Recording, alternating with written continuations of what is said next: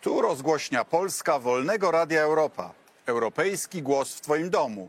Pozdrawiam Państwa serdecznie z siedziby z Parlamentu Europejskiego w Brukseli, a Państwa i moim gościem jest dzisiaj ktoś wyjątkowy, mianowicie teraz europoseł, ale poprzednio wiceminister rozwoju regionalnego i marszałek województwa lubelskiego, Krzysztof Hetman. Witam, witam serdecznie. Witam, dziękuję za zaproszenie. Jesteśmy teraz w rozstrzygającym okresie, nareszcie, spraw związanych z Krajowym Planem Odbudowy, prawda? I o tym chcę porozmawiać i o stanie polskiej gospodarki. Ale w weekend też mieliśmy ważne wydarzenia polityczne na opozycji. Jak byś obstawiał, czy to się jeszcze da poskładać we wspólną listę? Bo ja, ja sądzę, że z każdym tygodniem jest trudniej, bo Wszyscy wiemy, jak to działa. Wewnątrz partii ludzie warczą o dobre miejsca na listach, przyzwyczajają się, że już tam mają obstawioną jedynkę czy trójkę, prawda? A połączenie list oznacza, że, musieli, że niektórzy musieliby się posunąć na rzecz koalicjanta, prawda? I to się staje coraz trudniejsze. Znaczy na pewno nie ma co liczyć na taką jedną wspólną listę od lewicy aż po e, centroprawicę, czyli No bo powiedzmy chyba po powinna być Polskie spójna Stronnictwo ideowo, Ludowe. prawda? Musi być wspólna ideowo i nie da się zrobić e, takiej e, listy, która będzie kompletnie oderwana od wartości, od jakiejś wspólnoty programowej. To po prostu jest niemożliwe. To, to nie będzie wiarygodne dla ludzi. No, mnóstwo wyborców którzy dzisiaj chcieliby głosować na partie demokratyczne, zostaliby zwyczajnie w domu. Zresztą co się stało w 2019 roku, wtedy kiedy my obaj startowaliśmy w wyborach do Parlamentu No tylko, Europejskiego. że wiosna nie przystąpiła, nie? Gdyby wiosna też przystąpiła, to by ta koalicja by wygrała z PiSem. Nie wiadomo, bo t- mówimy, t- e, bo jak e, rozumiem, mówisz o sumowaniu się wyników. Tak. A ja mówię o tym, że jakby zobaczyli jeszcze dodatkowo e, naszego kolegę Roberta Biedronia na tej liście, to bardzo dużo wyborców takich umiarkowanych konserwatywnie mogłoby w ogóle zostać w domu. Więc mogłoby się okazać, że te 7%, które e, dostała wiosna, wcale by w- całości nie zsumowały się do wyniku e, koalicji europejskiej. Jedno jest pewne. Na pewno takiej listy odlewa dzisiaj do tego umiarkowanego konserwatyzmu, em, takiego racjonalnego, mowy nie ma. Ale chyba będziemy obydwaj trzymać kciuki za lewicę, żeby próg przekroczyła. Oczywiście, że tak, jasne, bo jak wiemy, co się stało, jak lewica nie przekroczyła progu, w dwa, co prawda koalicyjnie w 2015 roku, to był jeden z elementów, który pozwolił PiSowi zdobyć większość Fuksem, bezwzględną. fuksem. Natomiast jeśli chodzi o wspólną listę pozostałych partii demokratycznych, ja bym jeszcze, ja, ja bym jeszcze tak całkowicie e, nie był pesymistą, bo jednak mimo wszystko wierzę tutaj w mądrość liderów. Jeśli funkcją celu wszystkich nas, w co wierzę, jest odsunięcie szkodników od władzy, e, no to powinniśmy mieć duże pole do e, dyskusji. Jeśli każdy będzie potrafił się cofnąć na polu swoich własnych politycznych interesów, bardziej brzydko to brzmi partyjnych, e, a bardziej będzie myślał tą e, główną wartością, jaką e, jest zmiana władzy w Polsce, no to uważam, że tu jest, jest duże pole do popisu, pole do, jeszcze do dyskusji, do rozmowy, ale wydaje mi się, że chyba to, co jest teraz najważniejsze, to to, żeby liderzy sobie siedli i ustalili listę spraw, które chcą załatwić w pierwszych Pakt Sen- 90 dniach po wyborach, a nie rozmawiali tylko i wyłącznie o tym, czy taka formuła, czy jedna lista, czy dwie Ale pakt listy. senacki będzie, nie? Pakt senacki będzie na pewno, bo tu mamy p- prostą rzecz. Mamy jednomandatowe okręgi, mamy anglosaski system e, Być albo nie wyborczy.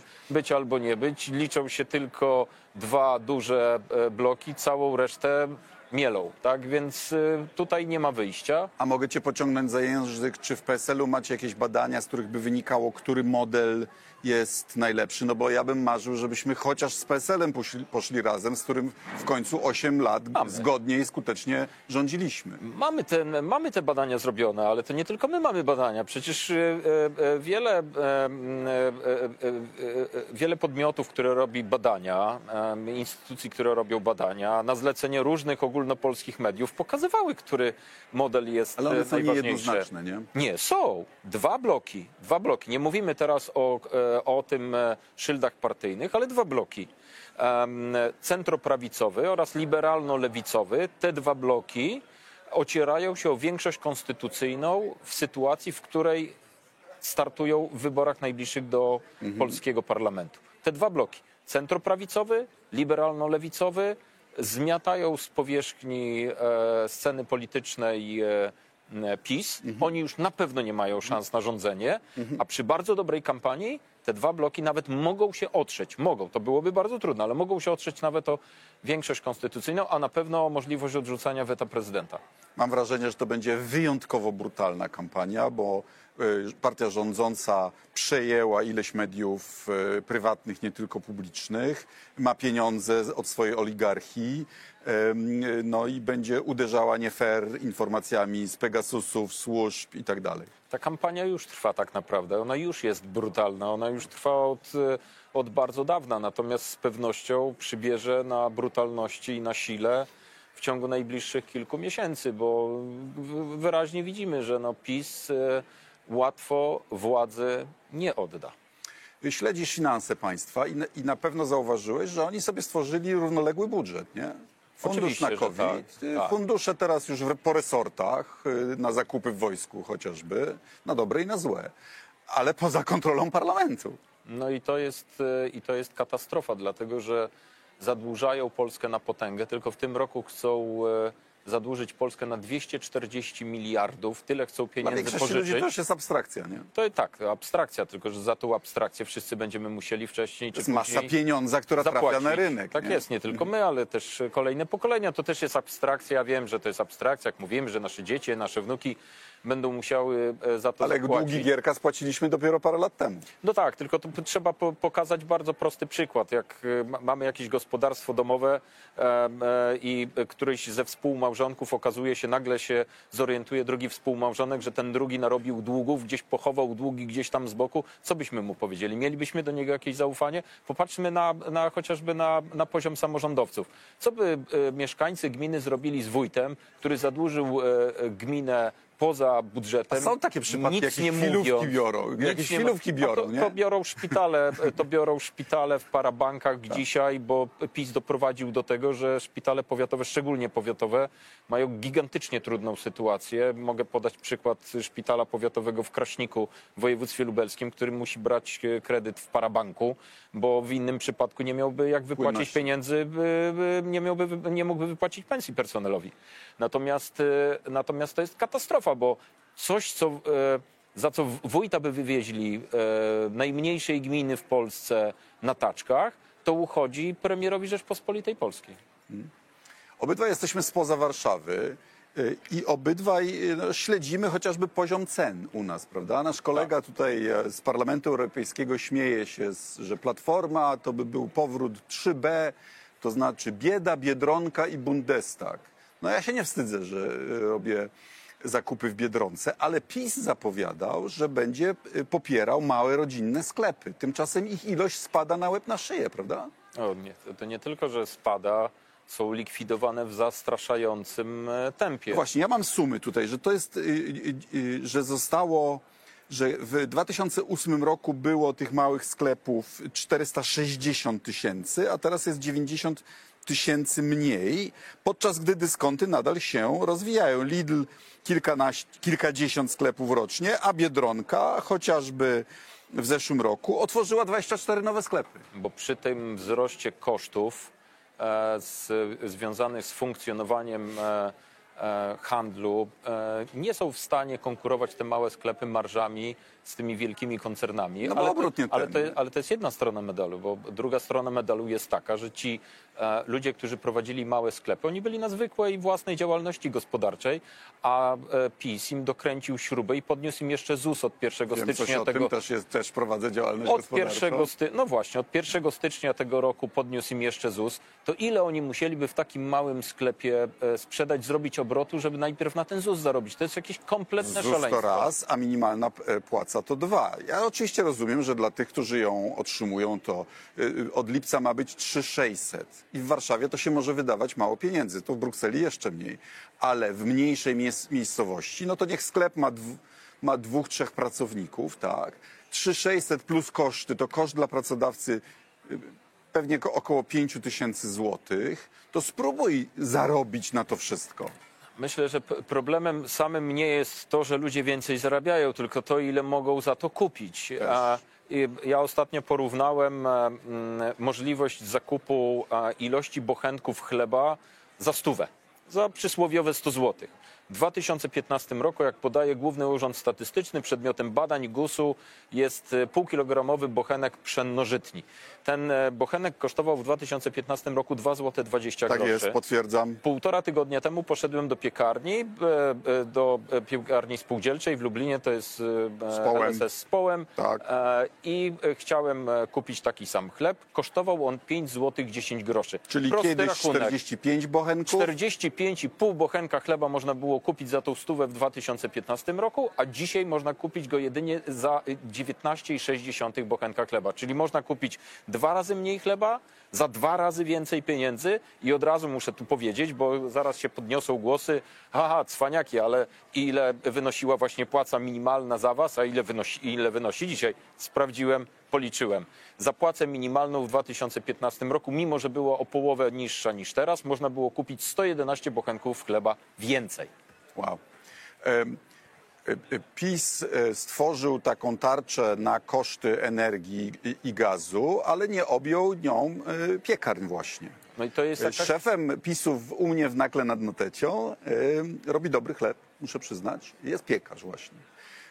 I, e, e, I to my, opozycja, zgłosiliśmy poprawki w Senacie, żeby piekarzy tą tarczą e, e, objąć. I PiS je odrzucił. Dokładnie, odrzucił poprawki partii demokratycznych w Polsce, jednocześnie kłamiąc, że nie mogą tego przyjąć, ponieważ muszą najpierw zapytać Komisję Europejską o pozwolenie, ponieważ jest to, e, To jest pomoc taka sama publiczna. prawda jak to, że VAT musi być na gaz 23, 23%. Dokładnie, to jest kłamstwo, dlatego że już istnieje e, rozporządzenie Komisji Europejskiej, które mówi o tym, że można dokonywać takiego zabiegu w państwach członkowskich, jeśli chodzi o krytyczną e, branżę związane z bezpieczeństwem e, żywnościowym bądź dotyczące nieprzerywania łańcuchów dostaw. No kto jak kto ale akurat branża piekarnicza wpisuje się w to w 100% i można by ją objąć właśnie tą tarczą energetyczną.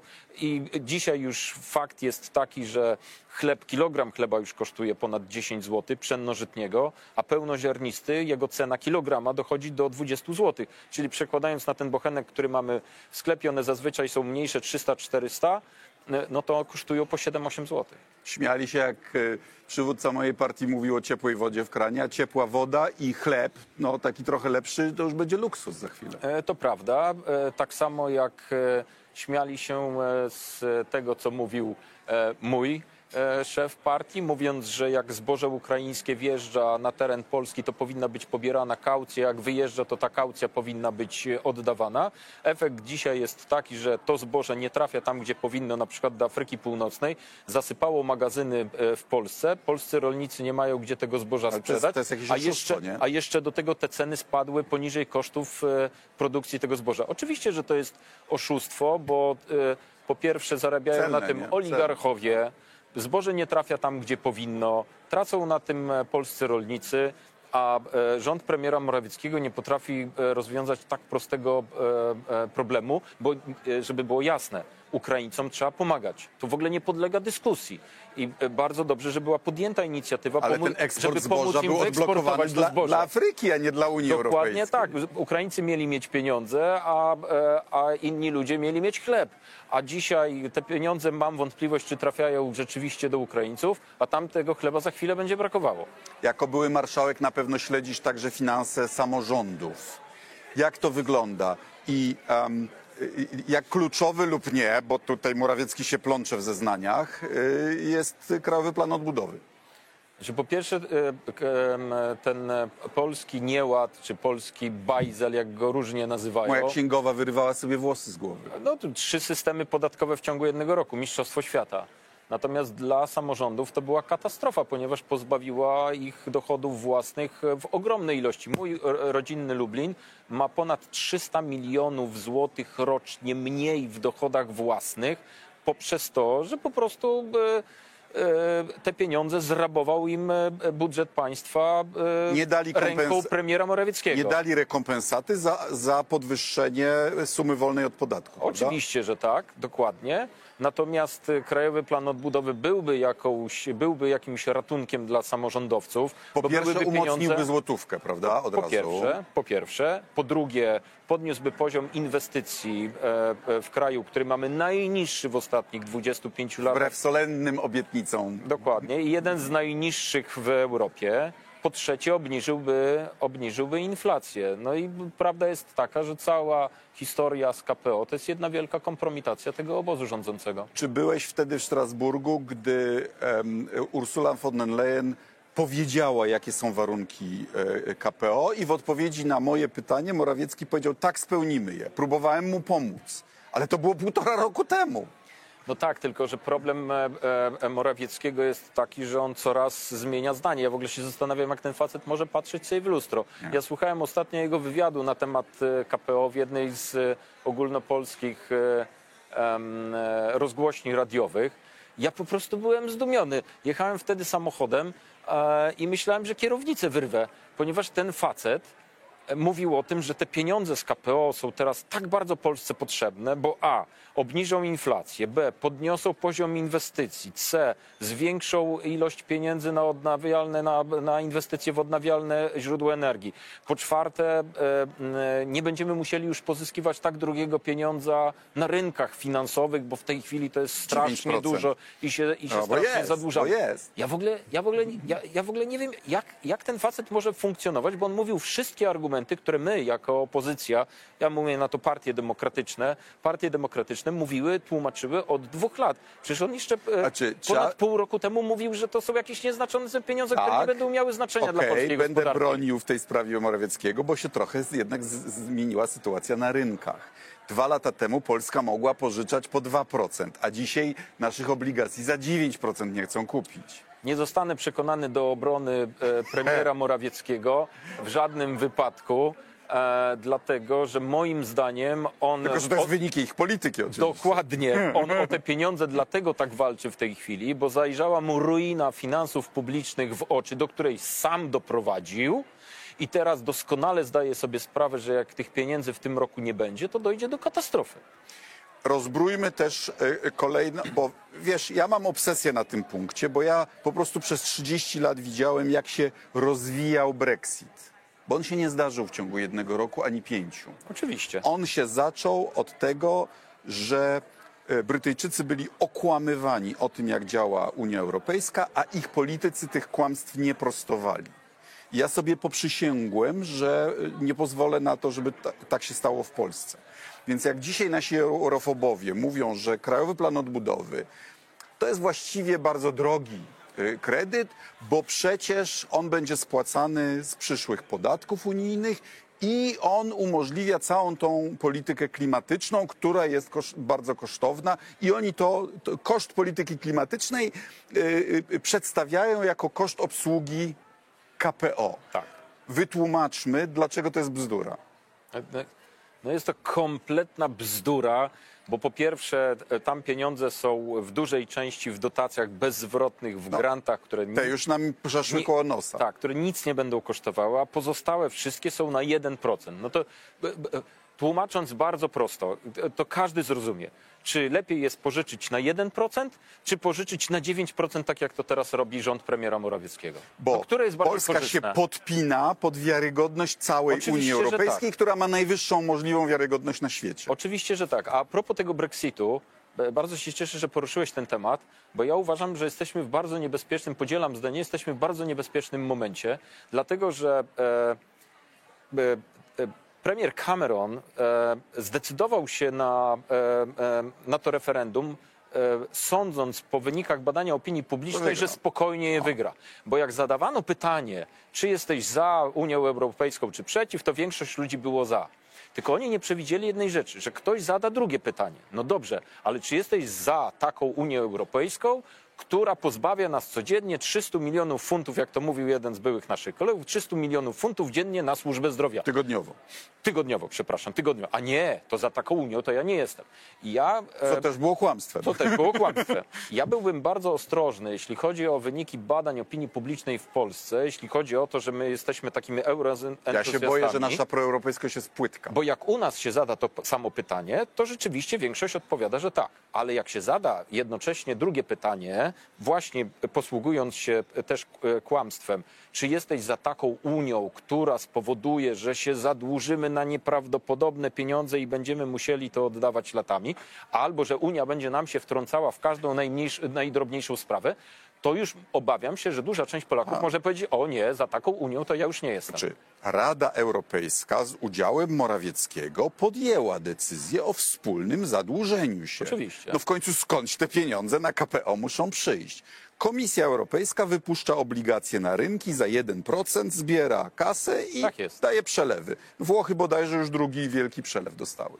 Tak jest. Już E, prawie 200 miliardów euro zostało Tak wypłacone. I oczywiście Nie te tylko Włochy. pieniądze y, trzeba jakoś oddać. I, trak, I ta umowa mówi, że albo wprowadzimy em, podatki od plastiku, od Tak transakcji finansowych, od wielkich globalnych korporacji, czyli coś, co i tak planujemy i że z tego spłacimy, oczywiście nadwyżkę sobie zatrzymując.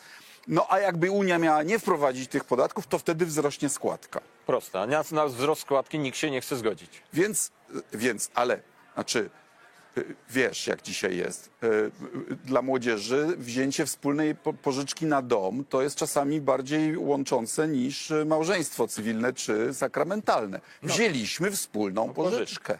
Znaczy na 30 lat się zobowiązaliśmy. W tym sensie Ziobro ma rację, że no, to, jest, To prawda. to jest aspekt federalny. Tak, i tu muszę, i tu muszę powiedzieć, z jedno, chyba w jednej sprawie zgadzam się z Ziobro, tylko w tej jednej. Jak on twierdzi, mówiąc, że e, premier Morawiecki przesunął e, Polskę i Unię Europejską w stronę federalizacji. Absolutnie tak. ma rację, Tak. bo wspólne podatki, wspólne zadłużenie to, to, to jest ja uważam- ogromny krok w stronę federalizacji. Tu Ziobro do- ma rację. Pan, Tylko, Bóg, Pan Bóg do swoich celów y, y, posługuje się najróżniejszymi ludźmi i także Ziobrą się posłużył.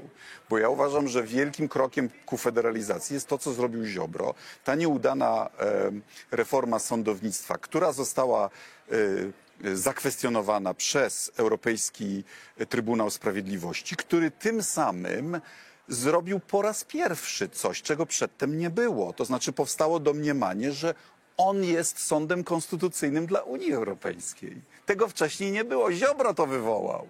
To prawda. Generalnie rzecz biorąc, dziwię się, co on jeszcze robi w tym rządzie, bo facet, który kwestionuje wieloletnią politykę zagraniczną rządu, w którym Chroni siedzi, i ściga deprecjonuje premiera rządu, w którym e, siedzi. To nie jest normalna sytuacja i, e, i chyba każdy, każdy to widzi. Natomiast z jakiegoś powodu jakaś część naszego społeczeństwa wciąż to toleruje. Okej, pospekulujmy. Jak będzie? Ziobryści wystartują osobno, czy Kaczyński ich w ostatniej chwili wyrzuci i już nie będą mogli? A ja nie, uważam, że wystartują razem. Aha. E, a Ziobro dzisiaj gra o jak najlepsze miejsca e, na listach. Okej, tak uważasz, a ja uważam, że Kaczyński będzie udawał, że wystartują razem, po czym w ostatnim możliwym momencie może zostawi Ziobrę, jeszcze kogoś, a resztę ludzi mu wytnie po to, żeby odzyskać sterowność nad, par- nad obozem politycznym. Okej, przekonamy się za pół roku. Tak jest. Serdecznie dziękuję za rozmowę. To ja dziękuję za zaproszenie. To była rozgłośnia Polska Wolnego Radia Europa. Europejski głos w Twoim domu. Jeśli się Państwu podobało, to proszę o szerowanie, lajkowanie, udostępnianie. Zapraszam na kolejny odcinek. Do widzenia z Brukseli.